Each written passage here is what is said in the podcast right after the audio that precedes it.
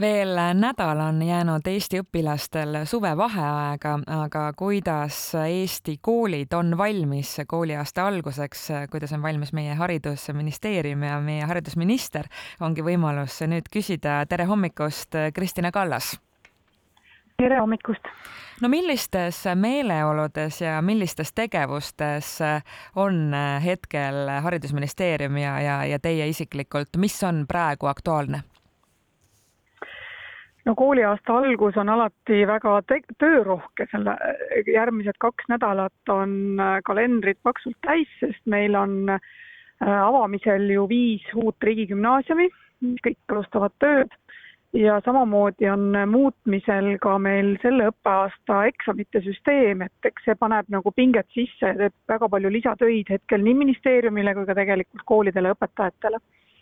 aga muidu kooliaasta algab, äh, ma arvan, üsna hästi, et äh,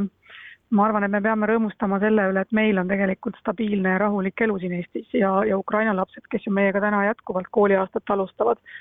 on ju meiega jätkuvalt siin, aga see, see, et kuskil siinsamas Euroopas on ju sõda ja kooliaasta nendele lastele algab palju raskemini seal Ukrainas, et seda tuleb ka mõnikord meeles pidada. kuidas meil oma kooliga nüüd on, kas meil on piisavalt koole, kuhu lapsed saavad minna ja kas meil on piisavalt õpetajaid, kes neid lapsi saaks õpetada selle õppeaasta alguses? Äh, jaa, meil ei ole sellist olukorda, kus ühelegi, kus on lapsi, kellele koolikohta ei jätkuks, äh, sest äh, noh, kohustus on ju kohalikul omavalitsusel ja ka riigil tagada need koolikohad. gümnaasiumiastmesse oli küll väga tihe rebimine, eelkõige Tartus, aga tänaseks on ka ilmselt suurem osa soovijaid endale ka gümnaasiumikohad juba leidnud, nii et, et seal peaks olema kõigil koht olemas, kus nad sügisel õpet alustavad. aga õpetajatega? õpetajate jah, õpetajatega äh, noh, mul täpset statistikat omavalitsuste kaupa ja koolide kaupa küll ei ole, aga aga see, mis on üldine info ka meediast läbi käinud, et äh, suvel otsiti ligi sadat õpetajat, noh, kui me arvestame, et meil on viis tuhat, viisteist tuhat õpetajat, siis see sada ei tundu nagu suur number, aga noh, siiski mõne kooli jaoks on see päris suur väljakutse ikkagi õpetajad leida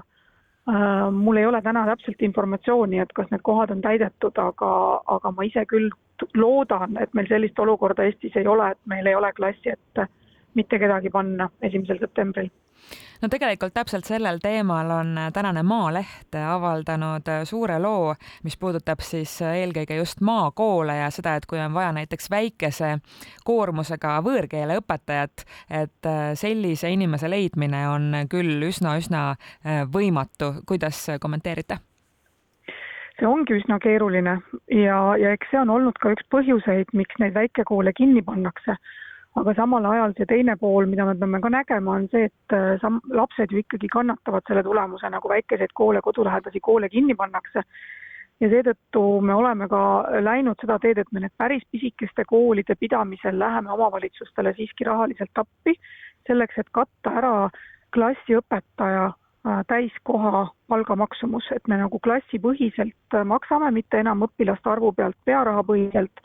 klassiõpetaja palgakulusid kuni kuuenda klassini. nüüd suurem probleem on kindlasti nendel koolidel, mis on pisikesed üheksaklassilised koolid, kus on äh, oluliselt rohkem vaja aineõpetajaid kui ainult klassiõpetaja ja seal äh, noh, ma, ma näen ka seda tulevikku pigem sellisena, et neid seitsmes, kaheksas, üheksas klass, et neid tuleks kokku koondada, sest sest pidada sellist äh, väga väheste õpilaste arvuga Äh, kolmandat kooliaastat on ikkagi keeruline ja sinna õpetajaid ei jätku kui veel korraks tulla selle Maalehe juurde, siis siin saab sõna ka Hagudi põhikooli direktor, kes räägib, et äh, üsna levinud on ka õpetajate nii-öelda üleostmine, et äh, siis direktorid meelitavad veidi suurema palgaga kas siis õpetajad püsima või, või oma kooli. mida sellest arvate? No kui on äh, vajadus õpetajate järgi suur ja õpetajate nii-öelda pakkumine turul väike, ehk siis õpetajaid ei ole piisavalt selleks, et kõiki kohti soovitud palga eest täita, noh siis on ju see ülepakkumine arusaadav, et ta toimub, eks,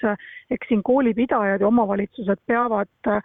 pingutama selleks, et hariduskuludesse võib-olla rohkem raha panna, et kõrgemaid palkasid õpetajatele äh, anda, me oleme ka järgmisest aastast suurendame äh, seda palgafondi selleks, et omavalitsustel oleks rohkem raha õpetajate palga lisatasude määramiseks, selleks et saaks ikkagi õpetajaid kooli tööle meelitada, et kui meil täna on, eks ole, palgafondi suurus seitseteist protsenti üldistest hariduskuludest, mida, mida omavalitsustele jagame, siis me tõstame ta kahekümne protsendini Äh, selleks, et saaks äh, siiski seda palga diferentseerimist teha ja neid puuduolevaid õpetajaid lisatasuga koolidesse tööle meelitada. Te mainisite ühe suurema muutusena sellest õppeaastast äh, põhikooli lõpueksamite muudatust, mis siis täpsemalt ikkagi muutub? muutub see eksamite järjekord,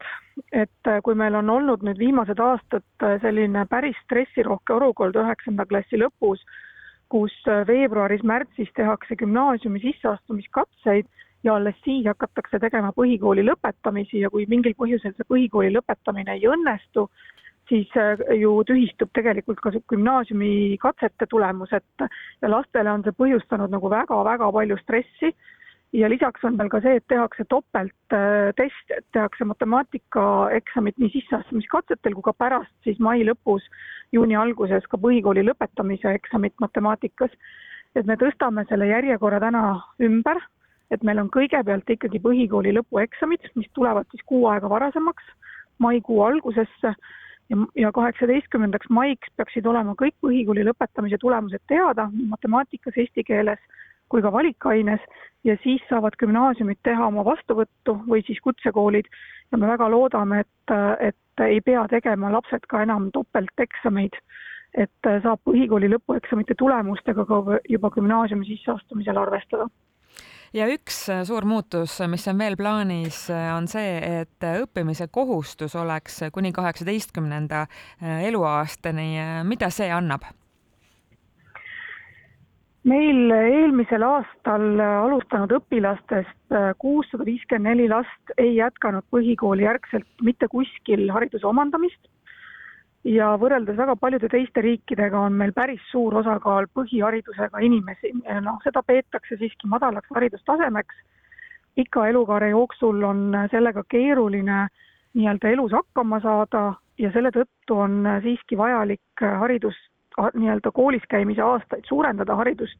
haridustasemeid tõsta. et kui meil nüüd naaberriikides, Soomes on näiteks koolikohustus kolmteist aastat ja meil on üheksa, siis, siis me muidugi oleme ka konkurentsis ja Soomele nii-öelda alla selle poolest, et meie inimeste ettevalmistus äh, terveks eluks on, on, on natukene nõrgem. ja selle tõttu on ka valitsus selle otsuse võtnud, et me siiski kooliaastaid pikendame, et lapsed saaksid vähemalt keskhariduse või siis kutsehariduse Äh, omandatud ja meil oleks võimalikult vähe neid inimesi, kellel on üksnes ainult äh, põhiharidus. ja see tähendab hariduses seda, et pärast põhikooli lõppu peavad noored valima endale äh, haridustee jätkamise vähemalt kaks aastat. Ja neid haridustee variante on tänaseks umbes kuus. Nii-öelda kuus sellist personaalset õpiteed, mida pidi võib põhihariduse lõppedes äh, tegelikult hariduse omandamist jätkata, et kas on siis kutseharidus, kutsekeskharidus, gümna-, akadeemiline gümnaasiumiharidus, täiskasvanute kool või siis ka tegelikult äh, selline eelaasta või vaheaasta, äh, kus saab nii-öelda põhikoolis tehtud õpilünkasid järgi teha või siis minna näiteks kutsevalikule ja valida endale, võtta üks aasta aega selleks, et läbi mõelda, millist kutset tegelikult soovitakse omandada. aga see on ettevalmistamises, see ei ole veel vastu võetud, see veel ei kehti? Äh, seadus, seaduse menetlemine jääb Riigikogu nüüd uuele algavale sessioonile, kui Riigikogu kokku tuleb, siis me esitame Riigikogule selle seaduseelnõu ja, ja siis sõltub, eks ole, sellest, kui kiiresti Riigikogu seda menetleb, neid seadusemuudatusi. üks suur oluline aspekt veel, nüüd minnes vastu uuele õppeaastale, on küsimus loomulikult sellest üleminekust eestikeelsele haridusele, mis seisus me oleme selle ettevalmistamisega ja mis nüüd sellest aastast näiteks selles valdkonnas muutub? jah, see aasta on äh, selline kiire ettevalmistusaasta veel, sellepärast et reaalne üleminek algab ülejärgmisest õppeaastast. sellel aastal äh, septembrist alates äh, saavad tegelikult palgalisa juba need eesti keeles õpetavad õpetajad, kes Ida-Virumaale on tööle läinud või töötavad Ida-Virumaal ja on hakanud õpetama oma aineid eesti keeles. et nendel on palgalisa juba sellest aastast, õpetajatele siis üle kaheksasaja euro ja lasteaiaõpetajatel üle viiesaja euro on palgalisa. Äh, samuti suureneb eesti keele kui teise keele tundide hulk tunniplaanis nendel koolid, nendes koolides, kus õpetatakse vene keeles või mõnes muus keeles. ehk siis esimeses, teises ja kolmandas klassis on kahe tunni asemel ikkagi neli tundi eesti keelt nädalas ja vanemates kooliastmetes on viis tundi nädalas, ehk siis iga päev on ikkagi eesti keele tund. ja muutub ka see, et me teeme tasemetöid nendes koolides, mis on üleminekukoolid. neljanda klassiga teeme sellel aastal sügisel esimesed tasemetööd eesti keeles, matemaatikas, loodusõpetuses ja vene keeles kui emakeeles, selleks, et siis jälgida, kui algab üleminek siis äh, kas muutub või kuidas muutub ka nii-öelda aine tundmise äh, oskused, et äh, ka ülemineku eesmärk ei ole üksnes eesti keele selgeks õppimine, vaid ikkagi see lõhe, vähendada ka seda lõhet, mis meil on eestikeelsete ja venekeelsete koolide vahel ka akadeemilistes tulemustes ja lõpetuseks, kuidas näeb haridusministri jaoks välja see nii-öelda päris päev, see esimene september, kooli alguse päev? ma olen esimesel septembril sellel aastal Ida-Virumaal, sest meil on, meil avab, avatakse kaks riigigümnaasiumi Narvas ja riigi, riigi pidada tuleb üle äh, päris mitu kooli, Sillamäe Eesti Kool ja Sillamäe Gümnaasium ja Lüganuse vallas kolm kooli, millest saavad siis riigikoolid, nii et äh, ma olen kõikide nende koolide avaaktustel ja samamoodi on ava, avaneb ju ka Jõhvi Eesti kooli uus väga kaasaegne õppehoone. nii et ma olen palutud ka sinna Jõhvi kooli pere tervitama, nii et mul on väga tihe äh, kooli avaaktuste ja tervituste päev esimesel septembril, nagu ikka. ja Toilas on ka koolirahu väljakuulutamine mm., nii et sellel aastal on ka toi-, koolirahu väljakuulutamine Ida-Virumaal. nii et minu päev möödub äh, Ida-Virumaal väga tihe, aitäh meiega täna hommikul vestlemast, haridusminister Kristina Kallas ja äh, ilusat kooliaasta alguse ootust! aitäh teile ka!